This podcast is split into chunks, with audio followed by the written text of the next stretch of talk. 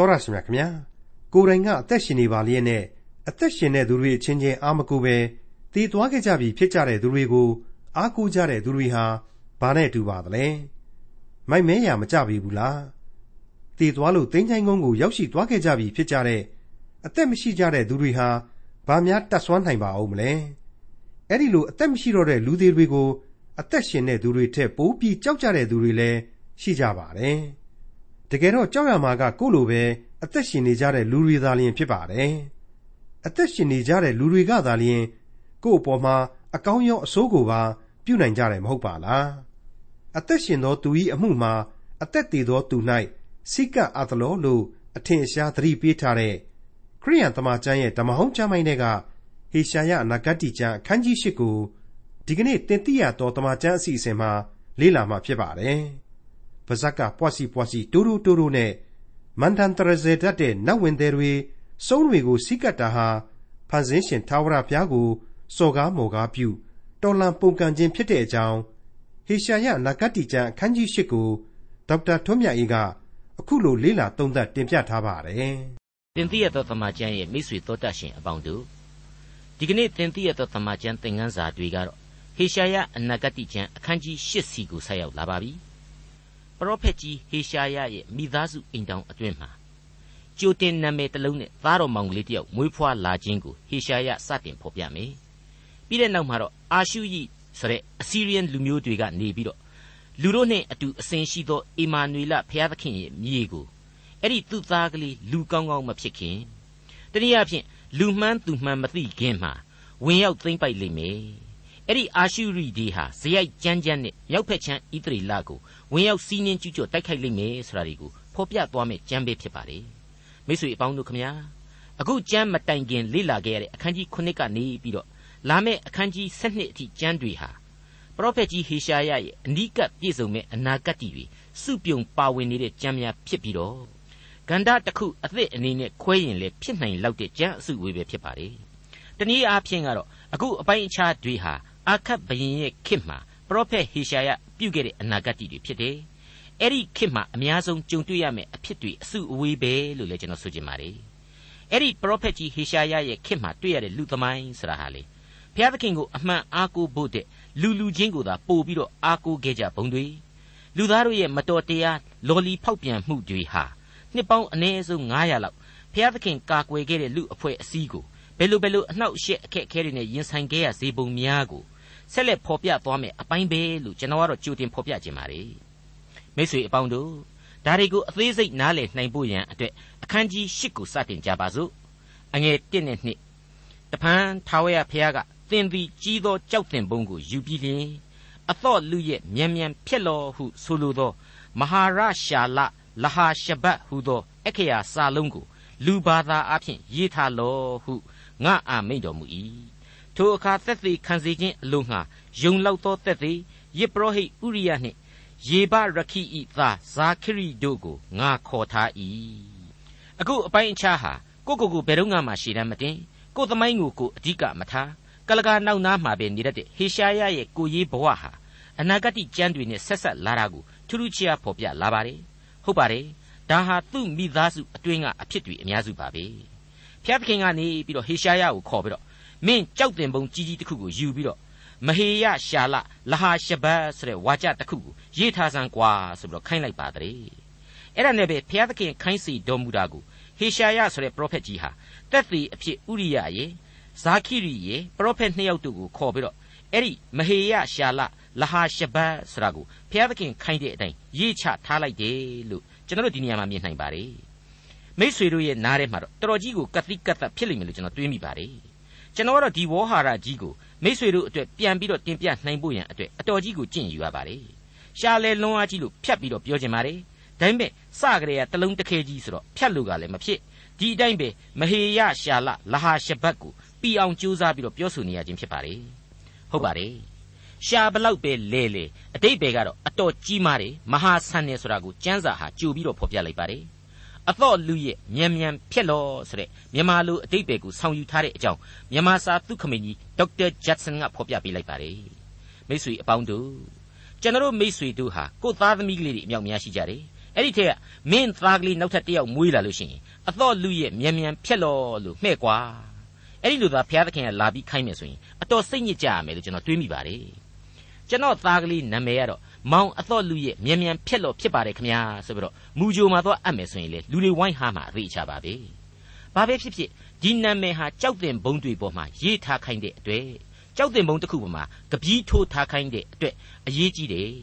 အများသူငါမြင်စေခြင်းနဲ့ဖတ်ရှုစေခြင်းနဲ့မှတ်တမ်းမှတ်ရနဲ့အတီးဖြစ်စေခြင်းတယ်ဆိုတာဟာလေထင်ရှားနေပါလေတနည်းအားဖြင့်ဒီသားကိုဒီနာမည်မှဲ့ခိုင်းတာကိုက ဣသရေလအတွက်နောက်ထပ်ဗျာဒိတ်တစ်ခုပဲဆိုတာကိုကျွန်တော်ဆက်ပြီးတွေ့ရပါတော့မယ်ဟေရှာယအနာဂတိကျမ်းအခန်းကြီး၈အငယ်3နဲ့4ထို့နောက်မှာ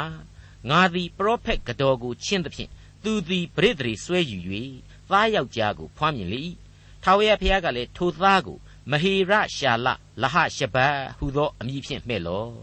အကြောင်းမူကားထိုသူငယ်သည်အမိအဖဟုမခေါ်တတ်မီဓမ္မသက်မြို့ဤစည်းစိမ်ရှမာရိမြို့ဤလူရက်သောဥစ္စာကို အာရှုရိဘရင်သည်သိမ့်သွားလိမ့်မည်ဟုမိန့်တော်မူ၏ကဲ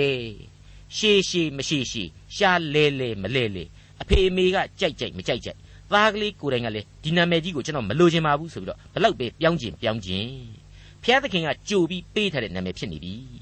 နာမည်ကလည်းအရန်စီးနေတယ်ဒီနာမည်အဖြစ်ဒီကလေးတောင်မှစကားမပြောတတ်ခင်ကလေးကမြောက်ဖက်ဣသရေလရှမာရိမြို့တော်နဲ့သူ့ရဲ့အပေါင်းအသင်းရှုရီပြည်ဓမ္မသက်မြို့တော်ကြီးတွေကို အာရှုရီဆိုတဲ့အရက်ကဘရင်ဟာဝင်ပြီးသိမ့်သွားလိမ့်မယ်တဲ့အဲ့ဒါကိုယူရပြည်သားတွေသိရလိမ့်မယ်ယူရဘရင်အာခတ်လဲသိထားရလိမ့်မယ်တဲ့မရှင်းဘူးလားကဲ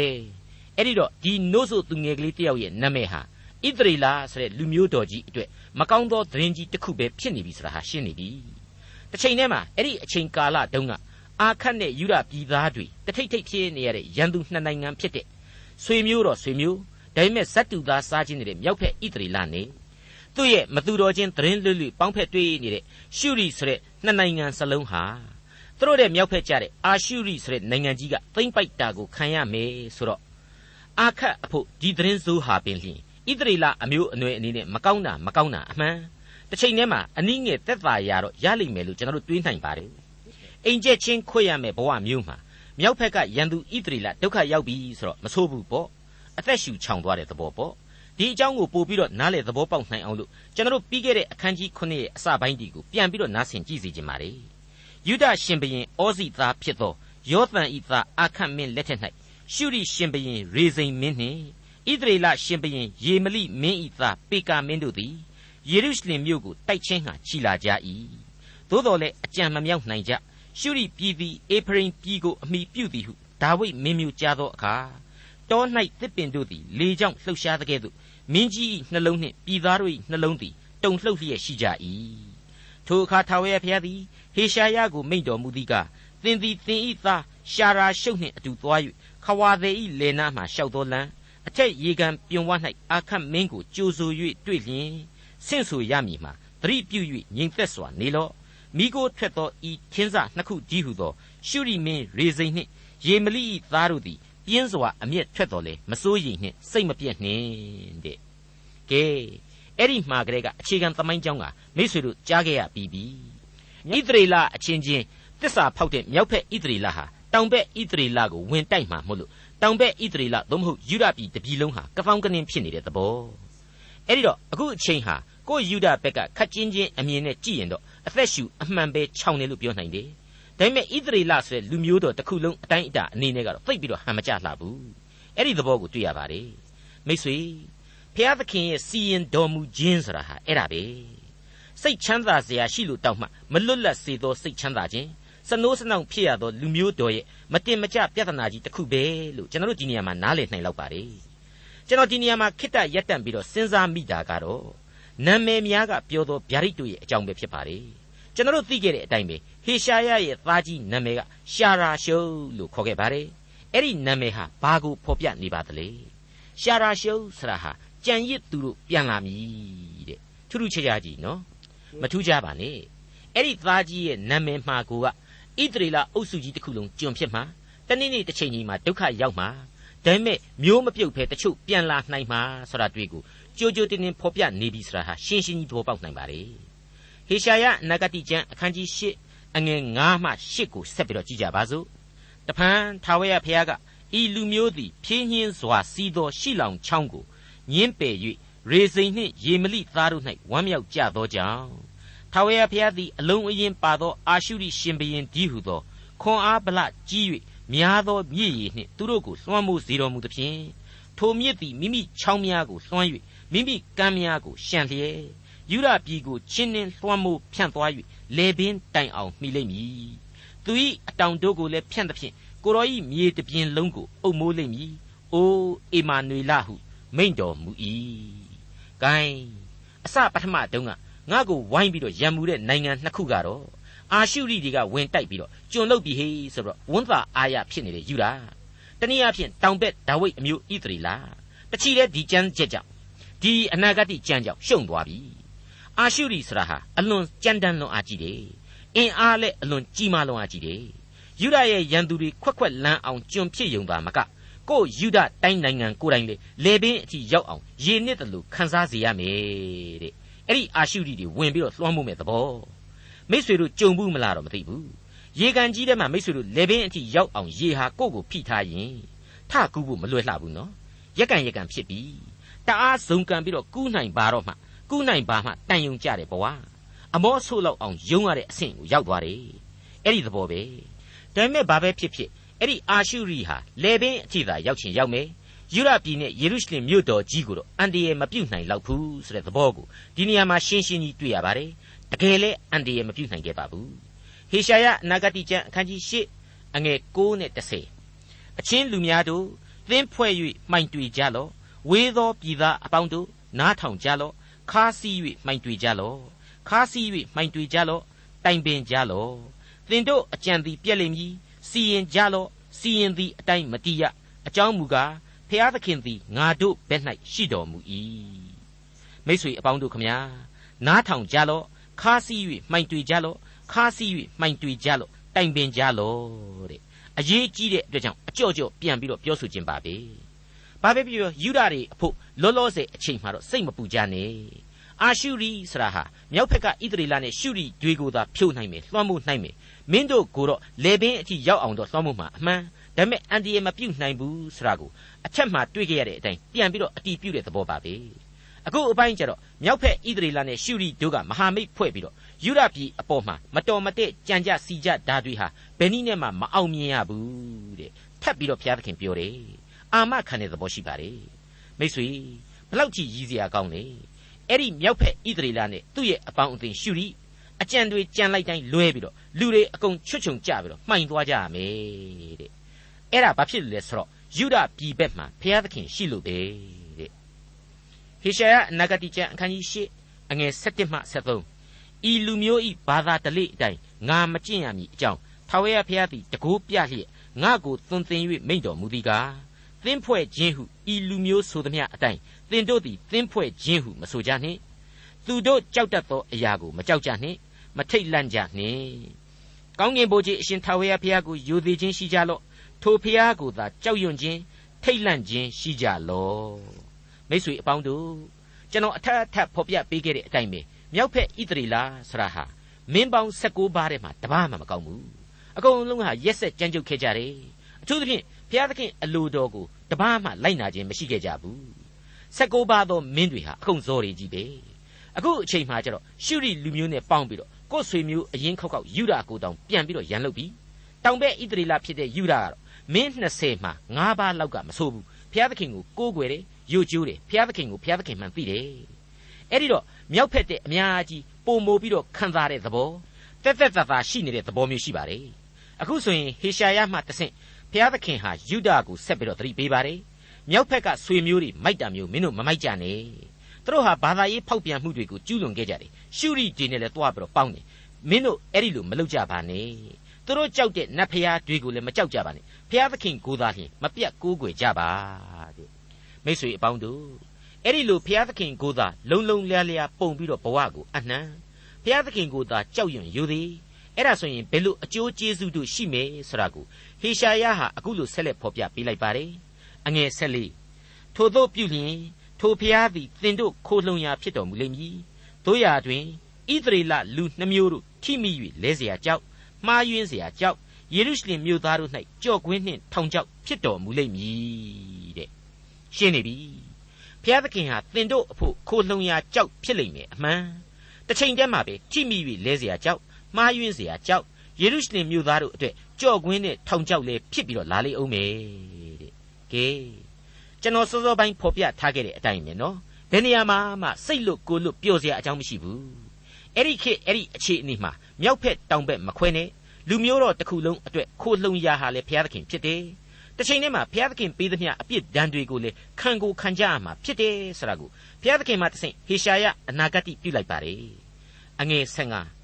ထိုသူအများတို့သည်ထိမိ၍တိမ်လဲကျိုးပဲ့ခြင်းကြော့မိဖမ်းဆီးခြင်းတို့ရောက်ကြလိမ့်မည်တဲ့ဘာတတ်နိုင်ပါသေးတယ်လေမိတ်ဆွေစီရင်တော်မူခြင်းဆိုတာဟာနည်းနည်းလွန်းမနေဘူးလားစိတ်ချတဲ့ဒုက္ခတော့မင်းတို့လူမျိုးတစ်မျိုးလုံးဒုက္ခရောက်ကိုရောက်ရမယ်ဒါပေမဲ့ဒုက္ခပေးတဲ့ဖះဆိုပြီးတော့လေဘောက်ဆက်ဘောက်ဆက်သွားပြီးတော့မလုံနဲ့တဲ့အထက်ကကြမ်းတွေမှာဆက်ဆက်ပြီးတော့အထက်ကကြမ်းတွေနဲ့ဆက်ဆက်ပြီးတော့ကျွန်တော်တို့အတိတ်ပဲပြန်ဆိုရမယ်ဆိုရင် မြောက်ဖက်ချမ်းကသစ္စာပေါက်တွေကိုးကွယ်တဲ့နတ်ဖះတွေကိုလေသွားပြီးတော့အာမကိုနဲ့မင်းတို့ရောက်ရမယ့်ဒုက္ခပို့ပြီးတော့ကြီးသွားလိမ့်မယ်တဲ့အဲ့ဒီမြောက်ဖက်ချမ်းကသစ္စာပေါက်တွေကိုးကွယ်တဲ့နတ်ဖះတွေကိုမကြောက်နဲ့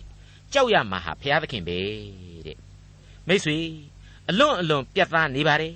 စကားနှစ်ခွမဟုတ်ပါဘူးနားတဲ့ကိုဒိုင်းကနေဝင်သွားစေတဲ့ကြင်ညာချက်ပဲဖြစ်ပါတယ်သတိပေးချက်ပဲဖြစ်ပါတယ်မိတ်ဆွေအပေါင်းတို့ အလွန်အလွန်အရေးကြီးတဲ့သင်ခန်းစာတရက်လို့ဒီအပိုင်းမှာကျွန်တော်ဆိုချင်ပါတယ်ကျွန်တော်ဘယ်လိုခံယူကြမလဲဒီအကြောင်းကိုစဉ်းစားရင်းနဲ့ကျွန်တော်ချက်ချင်းပဲ24ခုမြောက်သောဆာလံအစပိုင်းရေ109ခုမြောက်သောဆာလံရဲ့အငယ်33ကနေ35အတွင်းရေဖော်ပြချက်တွေကိုတွားရောက်ပြီးတော့သိရမိပါတယ်။ထာဝရဘုရားသည်မြေကြီးနှင့်မြေကြီးတစားကို၎င်းလောကရနှင့်လောကသားတို့ကို၎င်းပိုင်တော်မူ၏။အကြောင်းမူကားထိုနေရာကိုသမုတ်တရားပေါ်မှတည်၍ရေများပေါ်မှ မြဲမြံစေတော်မူပြီတဲ့။24ခုမြောက်သောဆာလံမှာအဲ့ဒီလိုပြက်ပြက်သားသားဆိုထားပါတယ်။ပြီးတော့109ခုမြောက်သောဆာလံအငယ်33ကနေ35အတွင်းမှာကျတော့အခုလိုဖော်ပြပါတယ်။မြစ်တို့ကိုလွင်ပြင်ဖြစ်စေခြင်းဟာ၎င်းစမ်းရည်ထွက်ရာအရက်ကိုသွေ့ချောက်စေခြင်းဟာ၎င်းပြုတော်မူ၏မြေကောင်းသောပြည်ကိုပြည်သားတို့အပြစ်ကြောင့်စားမြေဖြစ်စေတော်မူ၏တဖန်လွင်ပြင်ကိုရေနှင့်ပြည့်စေခြင်းဟာ၎င်းသွေ့ချောက်သောအရက်ကိုလေစမ်းရည်ထွက်စေခြင်းဟာ၎င်း ပြုတော်မူ၏တဲ့မိတ်ဆွေအပေါင်းတို့ယောဘဝတ္ထုသင်ခန်းစာတွေမှာတုန်းကလေကျွန်တော်ကြားနာခဲ့ကြပြီးပါပြီ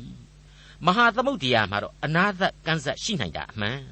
ဒါပေမဲ့ဘုရားသခင်ရဲ့ဘုံတကူတော်နဲ့စီရင်ခြင်းဆိုတာဟာဘယ်တော့မှအနာသကန်းဆက်မရှိနိုင်ဘူးအဲ့ဒီအချက်ကိုကျွန်တော်ညင်းလို့လည်းမရနိုင်လက်မခံခြင်းလို့လည်းမဖြစ်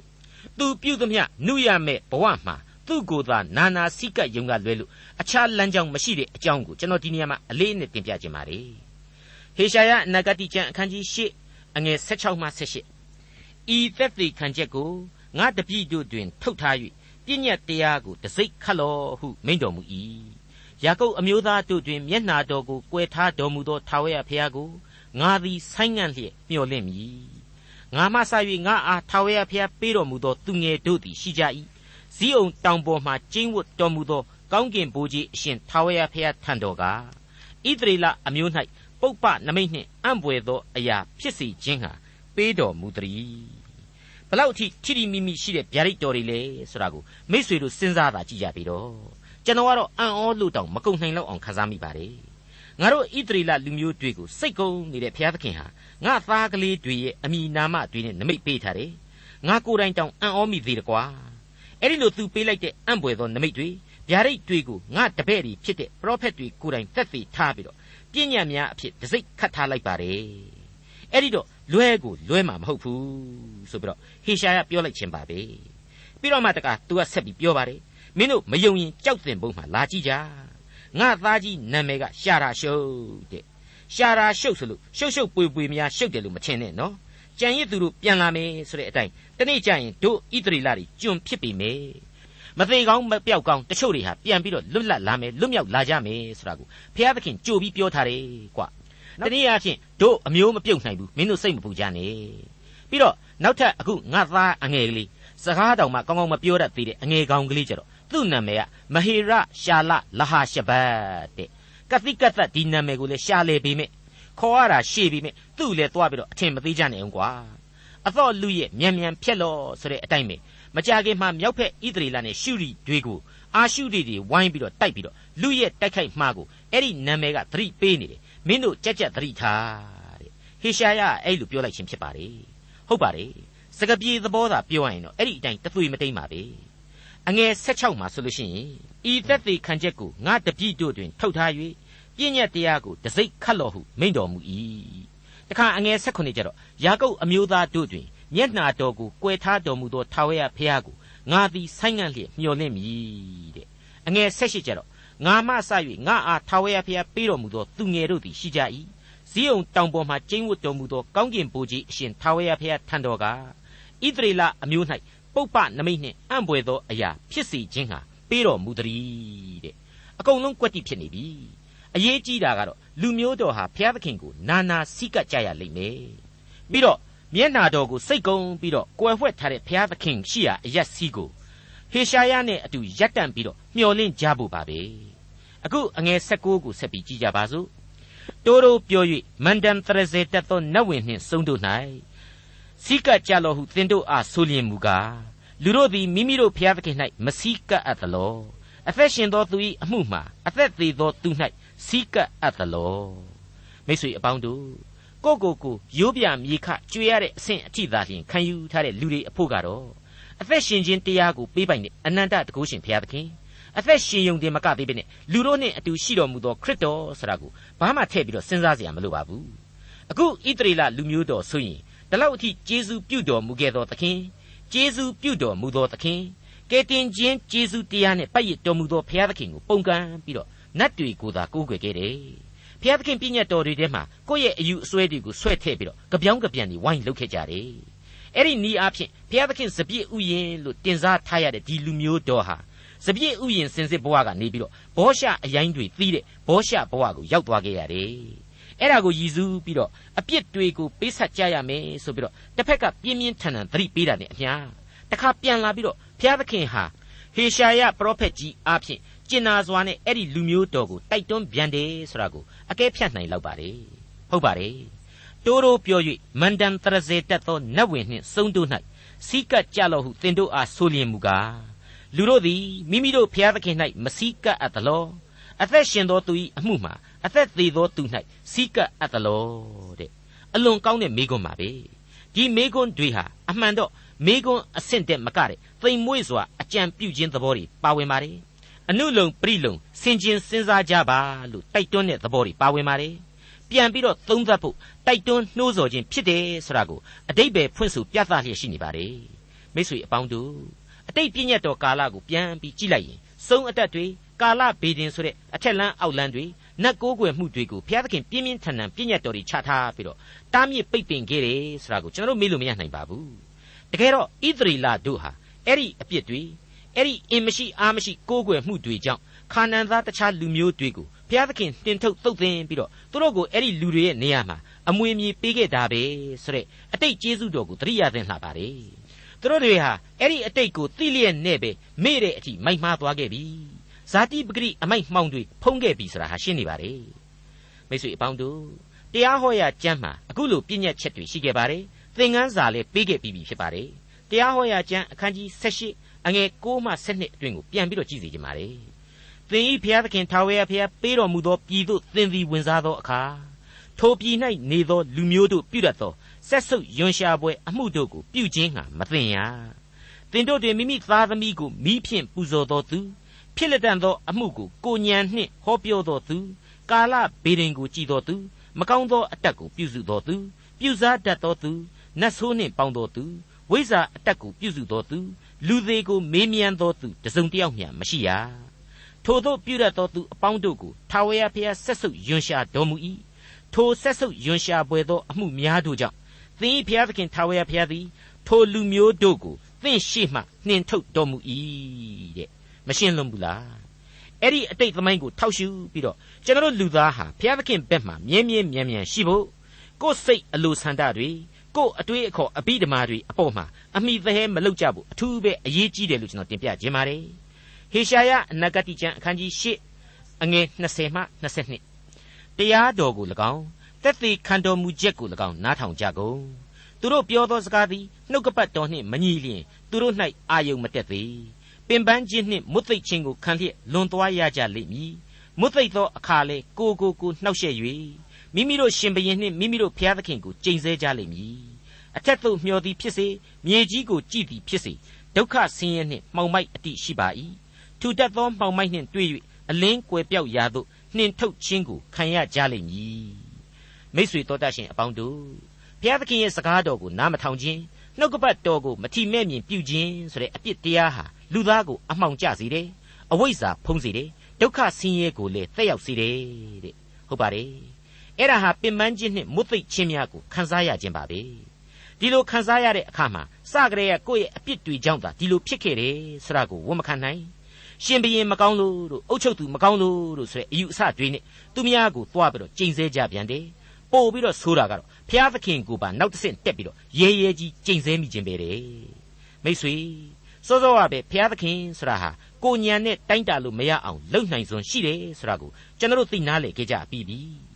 လုတ်ခဲ့ဘူးတဲ့အစဉ်အလာတွေဆိုတာဟာလေဓမ္မသမိုင်းကပ္ပသမိုင်းစာမျက်နှာတွေမှာရှင်းနေအောင်အမျိုးမျိုးတွေ့ကြရပြီဖြစ်ပါတယ်အငယ်73နဲ့14 15တို့မှာဆိုရင်ဖျားသခင်ကိုမင်းတို့ခိုးလှုံကြတခြားရွေးเสียအကြောင်းဘာမှမရှိဘူးရွေးเสียလမ်းဘာမှမရှိဘူးပြီးတဲ့နောက်ဘုရားသခင်ဆိုတာဟာမင်းတို့လူမျိုးတော်ကိုနာနာကျင်ကျင်ဆုံးမလိုက်အောင်မယ်ဒါကိုလည်းမင်းတို့ခိုးလှုံရင်းနဲ့ပဲမျက်စိစုံမှိတ်ပြီးတော့ခံယူလိုက်ကြဆိုတဲ့အချက်တွေးကိုကျွန်တော်တို့အံ့ဩဖွယ်တွေ့ကြရပြီးပြီဖြစ်ပါတယ် ဘာမှဇောရကတက်နေเสียအကြောင်းမရှိတော့ပါဘူးအဲ့ဒီလောက်အထိပြီးပြီးပြင်းပြင်းဗျာဒိတ်တွေရှိပါလျက်နဲ့ဘုရားသခင်ကိုဆက်လက်ကျင့်စေမယ်ထောင်ထားခြားနာအောင်မယ်ဆိုရင်တော့အထက်သို့မျောသည်ဖြစ်စေမြေကြီးကိုကြည်သည်ဖြစ်စေဒုက္ခဆင်းရဲနှင့်မှောင်မိုက်အတိရှိပါ၏ထူတက်သောမှောင်မိုက်နှင့်တွေ့၍အလင်းကွယ်ပြောက်ရာသို့နှင်ထုတ်ခြင်းကိုခံရကြလိမ့်မည်တဲ့ဒေါက်တာထွန်းမြတ်ရေးစီစဉ်တင်ဆက်တဲ့တင်ပြရသောတမချန်းအစီအစဉ်ဖြစ်ပါတယ် နောက်တစ်ချိန်အစီအစဉ်မှာခရိယန်တမချန်းရဲ့ဓမ္မဟောင်းကျမ်းပိုင်းတွေကဟေရှာယနဂတ်တိကျမ်းအခန်းကြီး9ကိုလေ့လာမှာဖြစ်တဲ့အတွက်စောင့်မျှော်နားဆင်နိုင်ပါတယ်။